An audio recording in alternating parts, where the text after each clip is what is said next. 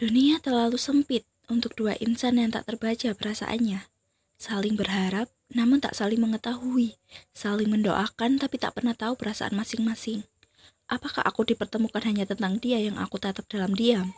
Ujar wanitanya. Apakah dia mampu menjadi pendamping yang selalu kusebut dalam sepertiga malam?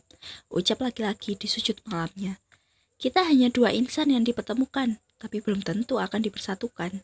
Baik aku ataupun kamu, kita saling berdiam. Terlalu pecundang untuk sama-sama mengutarakan, tapi sama-sama merasakan.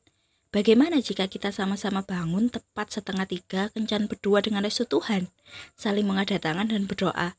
Jika memang dia, dekatkan. Jika bukan, berikan yang terbaik untuk segera dipertemukan.